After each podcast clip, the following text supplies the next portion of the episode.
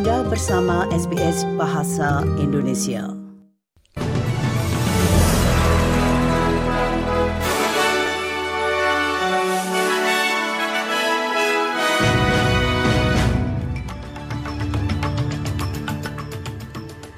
Warta berita SBS Audio untuk hari Senin tanggal 27 November. Sari berita penting hari ini, gelombang ketiga sandera Israel dan tahanan Palestina dibebaskan ketika mediator mendorong perpanjangan kencatan senjata selama empat hari.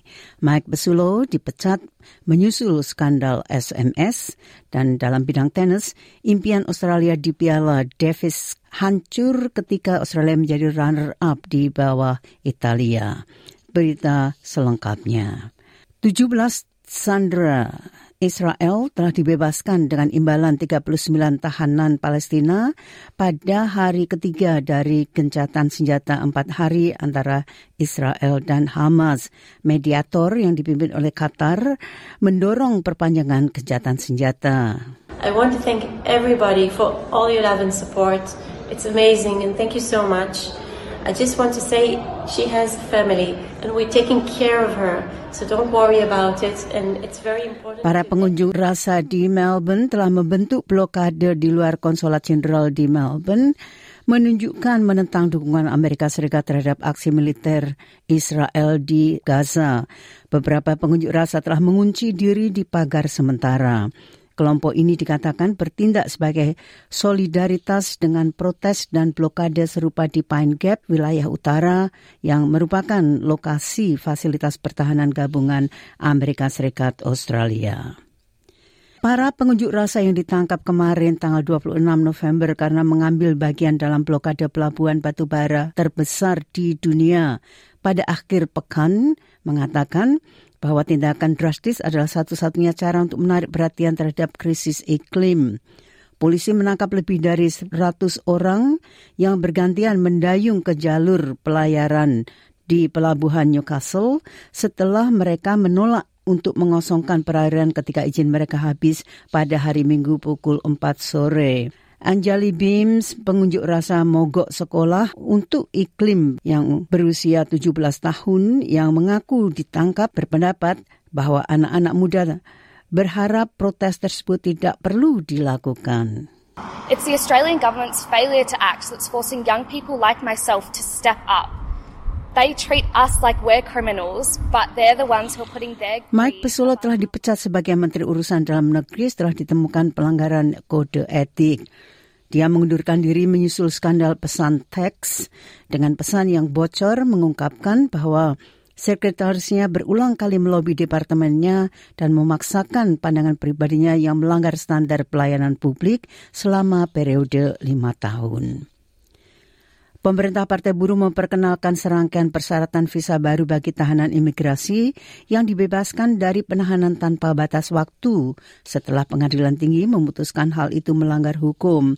Hal ini terjadi ketika pemerintah membebaskan 45 orang lagi sehingga jumlah total orang menjadi 138 yang dibebaskan. Today we are introducing a bill that will make tough laws even tougher. The Migration Amendment, Bridging Visa Conditions and Other Measures Bill 2023 will introduce new criminal offences for people recently released from immigration detention. Penulis Irlandia Paul Lynch telah memenangkan Booker Prize 2023 untuk fiksi untuk novelnya Prophet Song.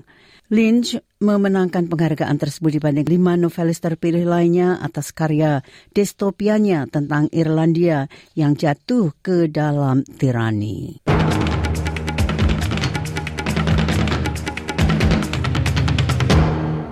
Nah dari olahraga tenis, Australia menjadi runner-up di bawah Italia di Piala Davis Davis final yaitu Piala Davis yang kedua kalinya berturut-turut bagi Australia. Australia berharap untuk meraih gelar untuk pertama kalinya dalam 20 tahun namun hal itu tidak terjadi. Jack Sinner memimpin Italia meraih gelar Piala Davis pertamanya dalam 47 tahun mengalahkan pemain Australia Alex de Minaur 6-3, 6-0 di Malaga.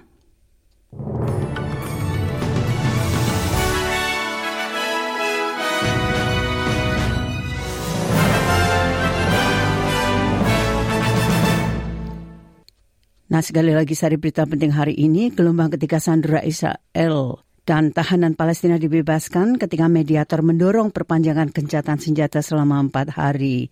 Mike Besulo dipecat menyusul skandal SMS dan dalam bidang tenis, impian Australia di Piala Davis hancur ketika Australia menjadi runner-up di bawah Italia. Sekian Warta Berita SBS Audio untuk hari Senin tanggal 27 November.